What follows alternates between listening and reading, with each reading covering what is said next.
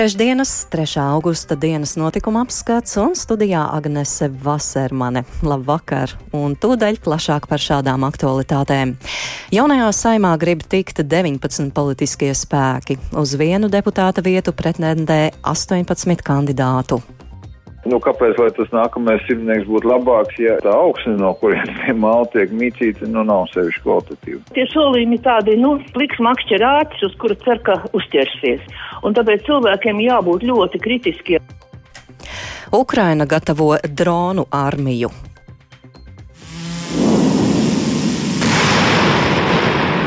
Šodien uz fronti jau nosūtīti pirmie 30 droni.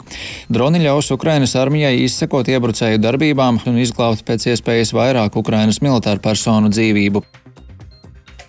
Bet aizdomas par Rīgas slepenību saistībā ar uzvaras parka pieminekļa nojaucēju izvēli caurspīdīgā procesā 3 miljonu eiro gribētāju nebūtu trūcis.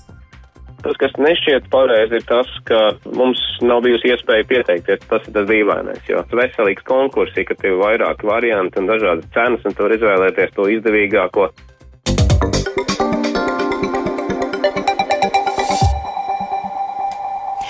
Noslēgusies deputātu kandidātu sarakstu iesniegšana 14. saimas vēlēšanām un kopumā reģistrēti 19 kandidātu saraksti, kuros uz katru deputāta vietu ir 18 kandidātu. Politikas vērotāji gan nesliecas domāt, ka nākamais saimas sasaukums būs daudz kvalitatīvāks par esošo. Vairāk Jāņa Kīņša sagatavotajā ierakstā. Uz simt vietām parlamentā pretendē 1832 deputātu kandidāti no 19 sarakstiem. Salīdzinoši 13. saimnes vēlēšanās pirms četriem gadiem bija 16 partiju un partiju apvienību saraksti ar 1461 deputātu kandidātu. Desmit no 19 sarakstiem pieteikts maksimālais kandidātu skaits. Centrālā vēlēšana komisija tik augstu aktivitāti saist ar faktu, ka saimnes vēlēšanās 2% vēlētāju balsu guvušie politiskie spēki saņems valsts finansējumu. Tāpat papildus daudz interesi sarosīties visticamāk veicinājuši ģeopolitiskie un ekonomiskie izaicinājumi valstī.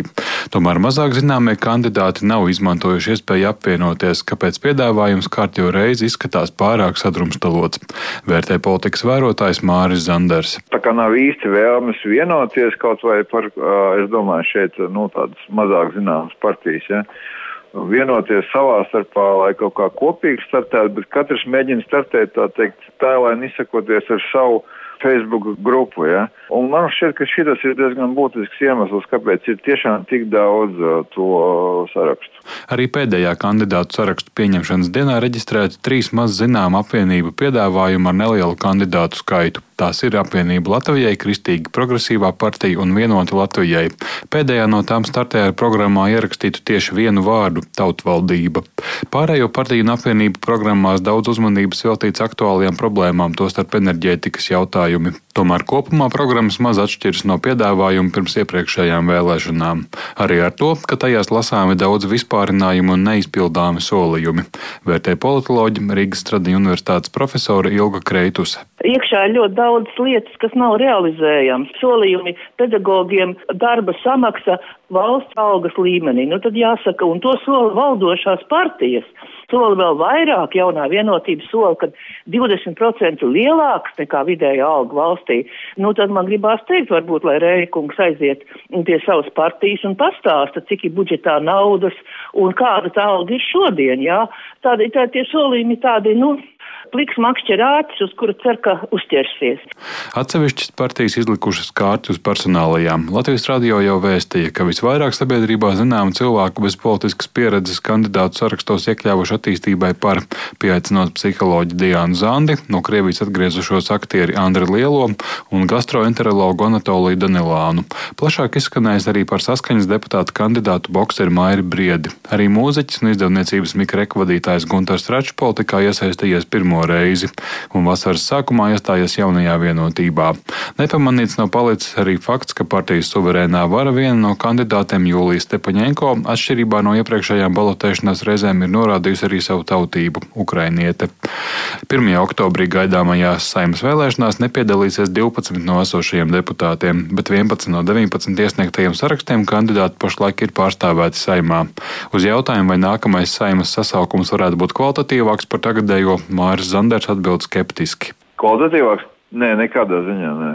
Nē, tas gan ir pilnīgi skaidrs, tāpēc, ka, nu, kāpēc, lai tas nākamais simtnieks būtu labāks, ja, ja, ja tur, piemēram, kaut vai pārvēlot uh, daļu no, no pašreizējā, nu, nebija gluži, kā sacīt, Humboldt universitātes audzēkņi 19. gadsimta intelektuāļi. Nu, arī jau bija tā pašvaka drusku. Tā augsne, no kurienes tie māli tiek mītīti, nu nav sevišķi kvalitatīva. Iesniegtos kandidātu sarakstus pārbaudē nosūtīs satversmes aizsardzības birojām un citām iestādēm. Savukārt šo piekdienu saimas sarkanajā zālē izlozēs 14. saimas vēlēšanām reģistrēto deputātu kandidātu sarakstu numurus. Atbilstoši tiem kandidātu sarakstus virknēs vēlēšanu zīmēs. Jānis Kincis, Latvijas radio. Lielā slepenībā Rīgas doma ir jau atradusi uzņēmēju, kas nojauks uzvaras parka pieminekli. Aizbildinoties ar provokāciju riskiem, pašlaik Rācnams neatklāja, kurš tas būs un cik daudz darba izmaksās. Iepriekš lēstās līdz pat 3 un vairāk miljonu eiro izmaksas pieminekļa nojaukšana padarījušas par kārojumu darbu. Taču ne katram uzņēmējam bijusi iespēja tam pieteikties. Par šo tēmātu plašāk Edgara Kupča veidotajā ierakstā.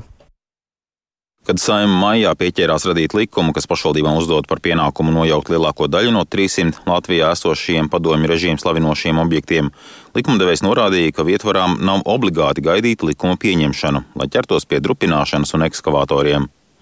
Zināmākais un publiski redzamākais nojaucamais objekts ir piemineklis Pārdagovā, uzvaras parkā.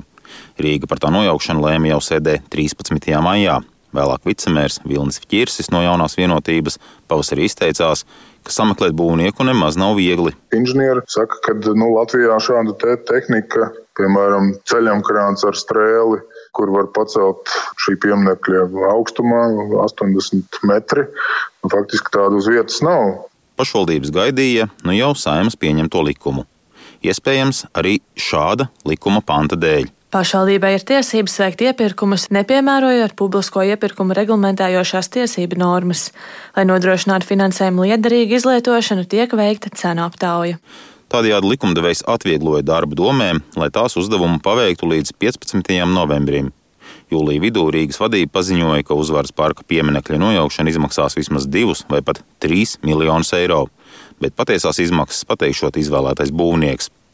Tomēr divi ar pus mēnešus pēc domas lēmuma nav zināms, kā Rīga būvnieku ir meklējusi. Skaidrs, ka mūsu interesi tur parādījās. Tā kā mums bija iepriekš laba pieredze ar ERAB, kas ir jau strādā no 63. gada. Viņi strādā ar skursteņiem lielos augstumos, un arī mums ir visas certifikācijas. Nu jā, kopā mēs esam laba komanda. Iespēju tikt pie 3 miljonu eiro līguma pamanīja arī Inga Purgaļa pārstāvētais uzņēmums. In Nordics AB, kas darbojās Zviedrijā.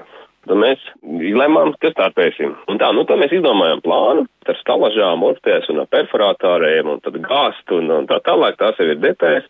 Un tā mēs tā uztietīgi sekojām līdzi, gaidījām to konkursu. Taču publiski izsludinātu iepirkumu nesagaidīja. Pirms dažām nedēļām paši sāka interesēties Rīgas domē. Tur sūtīti no viena speciālista pie cita, mērija uz vēstulēm nav atbildējusi, līdz beigās kāds jurists telefonā teicis – iespējas pieteikties nav, jo viss ir noslēdzies vai sācies vai noslēdzies. Tur diezgan miglaini izklausās. Skaidrību par pieminiekļu nojaucēju izvēli un izmaksām tagad neizdodas rast arī Rīgas domē. Komunikācijas nodaļas vadītājs Uģis Vidauskis apgalvo, ka ir parakstījies par informācijas neizpaušanu. Lietai esot īpaša slepenība, un pašvaldība to komentēšot tikai pašas noteiktā laikā. Iespējams, preses konferencē ceturtdien. Tas, kas nešķiet pareizi, ir tas, ka mums nav bijusi iespēja pieteikties tajā konkursā un saņemt informāciju, lai varētu aprēķināt. Tas ir tas dīvainais, jo veselīgs konkurss ir, ka tev ir vairāki varianti un dažādas cenas, un tu vari izvēlēties to izdevīgāko. Būvniekus Rīga nav meklējusi nedz Latvijas būvuzņēmēju partnerībā, kas ir lielākā būvnieku nevalstiskā organizācija, nedz arī šo jautājumu aktualizējusi ekonomikas ministrijas paspārnē esošajā Latvijas būvniecības padomē. Tā Latvijas radio paskaidroja abu organizāciju vadītājs Gins Miķelsons. Pamatotu izmaksu skaidrojumu no Rīgas domas nav sagaidījusi arī labdarības organizācija Ziedot LV, kas pavasarī šī pieminiekļa nojaukšanai savāca 268 tūkstošus eiro.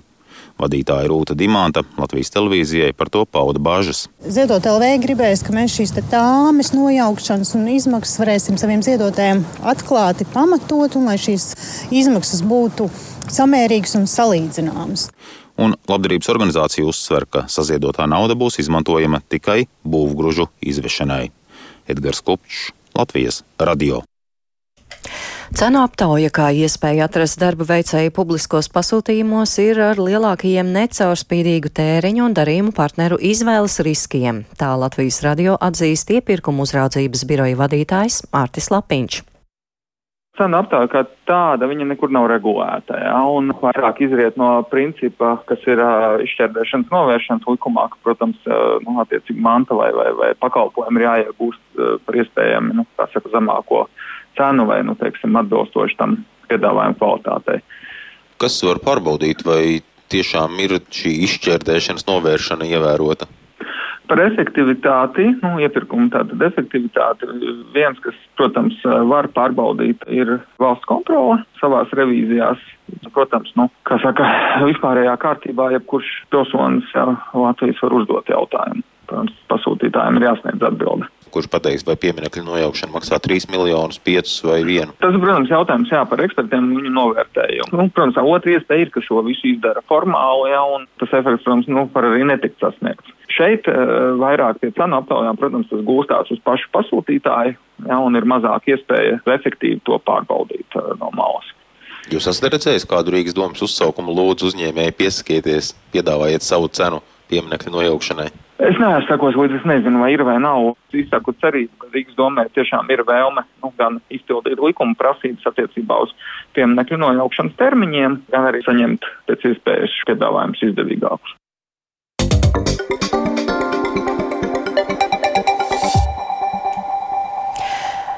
Ukrainā ir nogādāts pirmais bezpilota lidaparātu komplekts, kas iegādāts valsts izsludinātās programmas Army of Drones, jeb dronu armija ietvaros.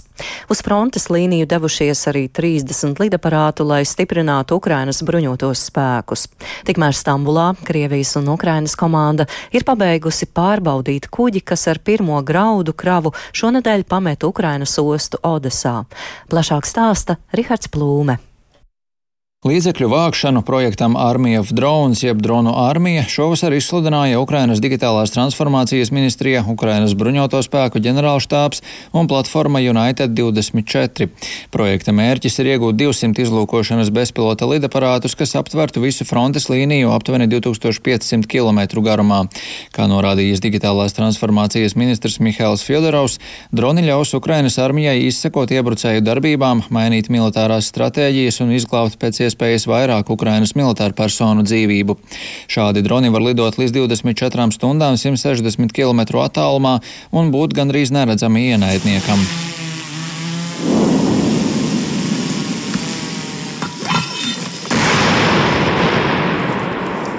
Šodien uz fronti jau nosūtīti pirmie 30 droni, kuru vidū ir arī daži no labākajiem bezpilota lidaparātiem ar nosaukumu FlyEye.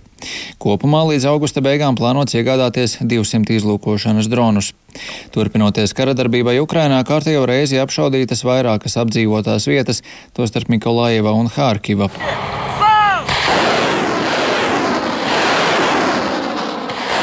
Aizvadītajā diennaktī Ukrainas spēki likvidējuši vēl 180 pretiniekus, tā vēsta ģenerālštābs. Turpinās Krievijas centieni neveiksmīgi uzbrukt apdzīvotām vietām Bahmutas virzienā. Tieši šajā virzienā Donetskas apgabalā tiek koncentrēti galvenie okupantu spēki. Tikmēr Starptautiskās atomenerģijas aģentūras vadītājs Rafaels Grossī norādījis, ka situācija Zaporīžas atomelektrostacijā, kas nonākusi Krievijas kontrolē, ir ļoti nestabila un ar katru dienu kļūst bīstamāka. Aģentūras ekspertu komanda joprojām nevar piekļūt stacijai, lai pārliecinātos par drošību tajā. Going there is a very complex thing. It, it requires... Došanās uz turieni ir ļoti sarežģīta lieta, jo tas prasa izpratni un vairāku dalībnieku sadarbību. Protams, tā ir Ukraina. Tas ir Ukrainas objekts. Tajā pašā laikā rūpnīca okupē Krieviju. Un arī tam mums būtu nepieciešams ANO atbalsts, ņemot vērā to, ka šī ir kardarbības zona. Tas ir nepārtraukts darbs, un es cenšos atkal savākt misiju, lai pēc iespējas ātrāk dotos uz turieni. Situācija, kā jau teicu, ir ļoti trausla. Katrs kodoldrošības princips tā vai citādi ir pārāk pārkāpts, un mēs nevaram pieļaut, ka tas turpinās.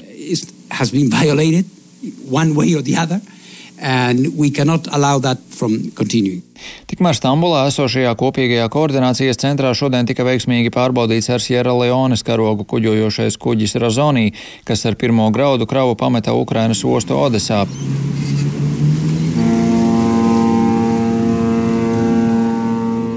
20 inspektoru komanda no Ukrainas, Krievijas, ANO un Turcijas trešdienas rītā uzkāpa uz kuģa, lai veiktu pārbaudi, kas pēc amatpersonu teiktā ilga mazāk nekā 90 minūtes. Tālāk kuģis dosies uz Marmora un Egejas jūru. Kuģim paredzēts piegādāt vairāk nekā 26 tūkstošus tonu kukurūzas uz Libānu. Krīzes pārņemto valsti, kas importē vairāk nekā 80% no saviem kviešiem no Ukrainas un Krievijas. Kīva norāda, ka izbraukšanu gaida vēl vismaz 16 kuģi ar graudiem. Rihards Plūme, Latvijas radio. Vācijas kanclers Olafs Šolts ir apsūdzējis Krieviju par gāzes vadam Nord Stream nepieciešamās turbīnas piegādes bloķēšanu. Turbīnai ir visas nepieciešamās atļaujas eksportam no Vācijas uz Krieviju, un gāzes vada operatoriem atliek tikai sniegt visu vajadzīgo muitas informāciju tās transportēšanai uz Krieviju. Eiropas lielākajā ekonomikā valda bažas par energoresursu trūkumu bez dabasgāzes piegādēm no Krievijas, tādēļ Vācija meklē alternatīvas un Šolts pat pieļāvis iespēju neslēgt atlikušās Vācijas atomelektrostacijas. Vācijas valdība ir paziņojusi, ka pēc Nacionālā elektrības tīkla jaunā stresa testa rezultātu saņemšanas lems vai pakāpenisku atteikšanos no atomelektrostacijām īstenot iepriekš paredzētajos termiņos, turpina Šolts. Wie Sie wissen, ist es so, dass äh, wir gegenwärtig ja Kas attiecas uz Vācijas energoapgādi, kā visi zina, pēdējās trīs kodolstacijas ir piemērotas tikai elektrības ražošanai un tikai mazai tās daļai. Tas ir loģiski, jo atjaunojamo energoresursu attīstības līmenis dažās Vācijas federālajās zemēs ir ļoti atšķirīgs.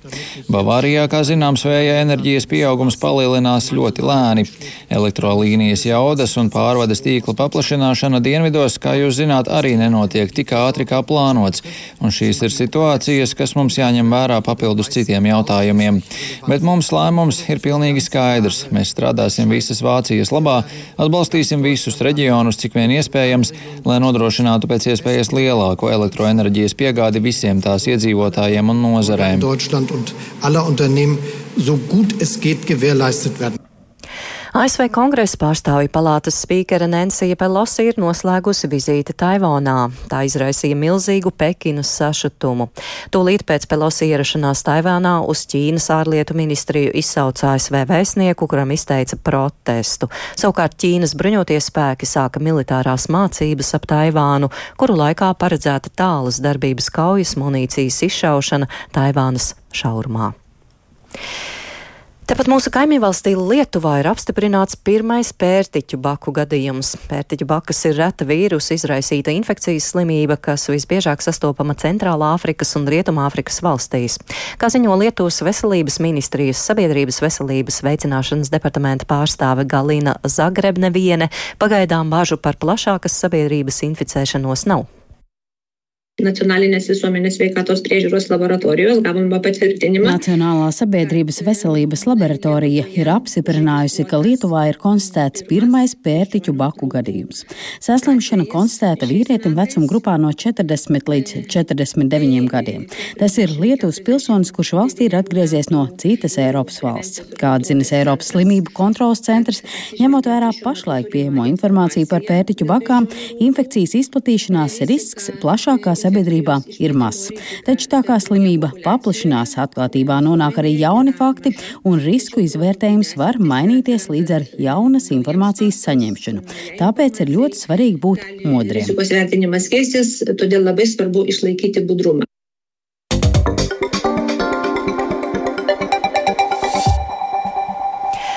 Tepat Latvijā daļā pašvaldību uztraucas par jauno privātskolu līdzfinansēšanas kārtību. Citās gan jaunie noteikumi daudz neko nemainīs, tā izpētīja Latvijas radio. Piemēram, Rīgā nāksies finansēt par sešām privātskolām vairāk nekā līdz šim. Cik daudz Latvijas izglītības iestādēm šis lēmums nāk par labu, nav zināms. Vairāk par tēmātu Paulas Dēvidas ierakstā. Lai noskaidrotu, kāda situācija ir vietvarās, Latvijas radio vērsās pie konkrētām pašvaldībām.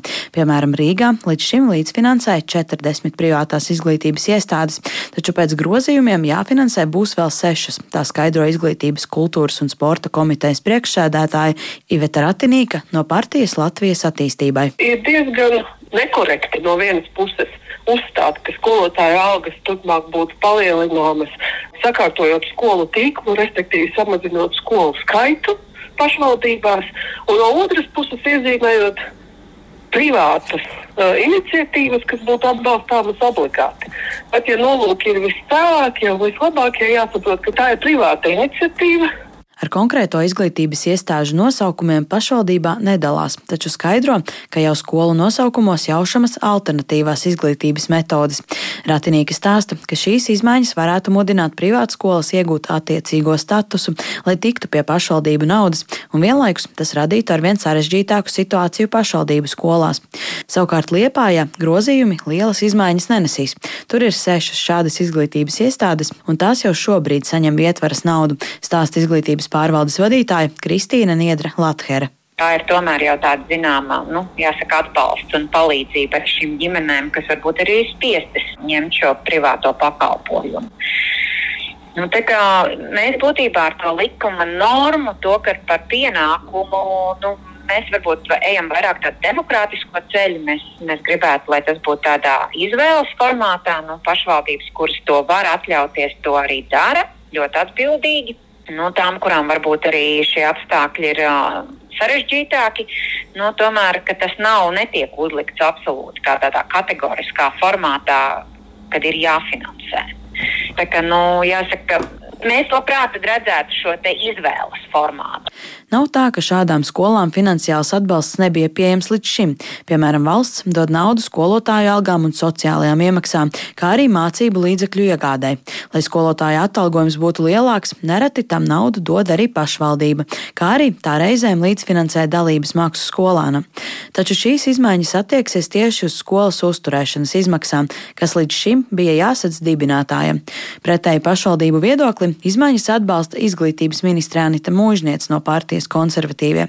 Viņa publiski pauž viedokli, ka ir būtiski atbalstīt sabiedriskā labuma organizācijas, un tam, vai tajā īsteno no pašvaldības skolām atšķirīgu izglītības programmu, nav izšķirīgas nozīmes, un tas ir tikai birokrātisks šķērslis.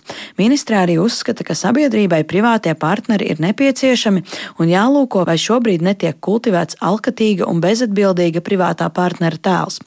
Tomēr ar skepsi uz šiem likuma grozījumiem skatās eksperti.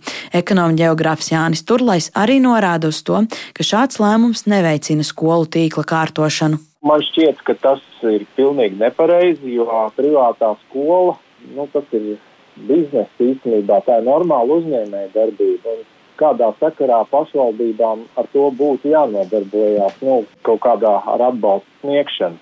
Parasti atbalsts vai pašvaldības var kaut ko tādu vai valsts uzņēmumu darīt, ja ir kaut kāda tirgus kļūda vai kaut kas tam līdzīgs.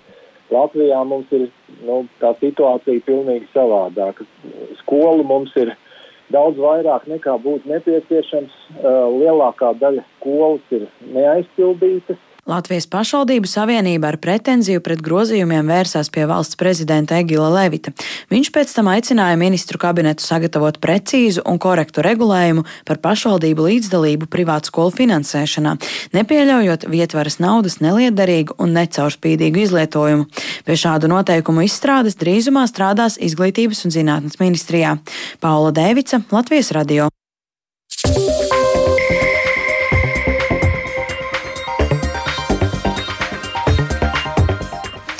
Ar to arī izskan trešdienas, 3. augusta dienas notikuma apskats. Ziņa programmas producents Edgars Kupčs, skaņu režijā Krišjānis Stikāns un Rīta Kārnače, studijā Agnese Vasermane.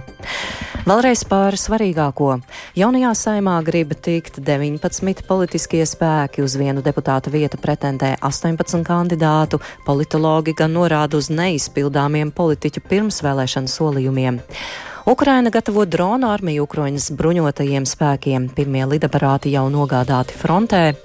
Un aizdomas par Rīgas slepenību saistībā ar uzvaras parka pieminekļa nojaucēja izvēli. Caurspīdīgā procesā 3 miljonu eiro gribētāju nebūtu trūcis. Yeah.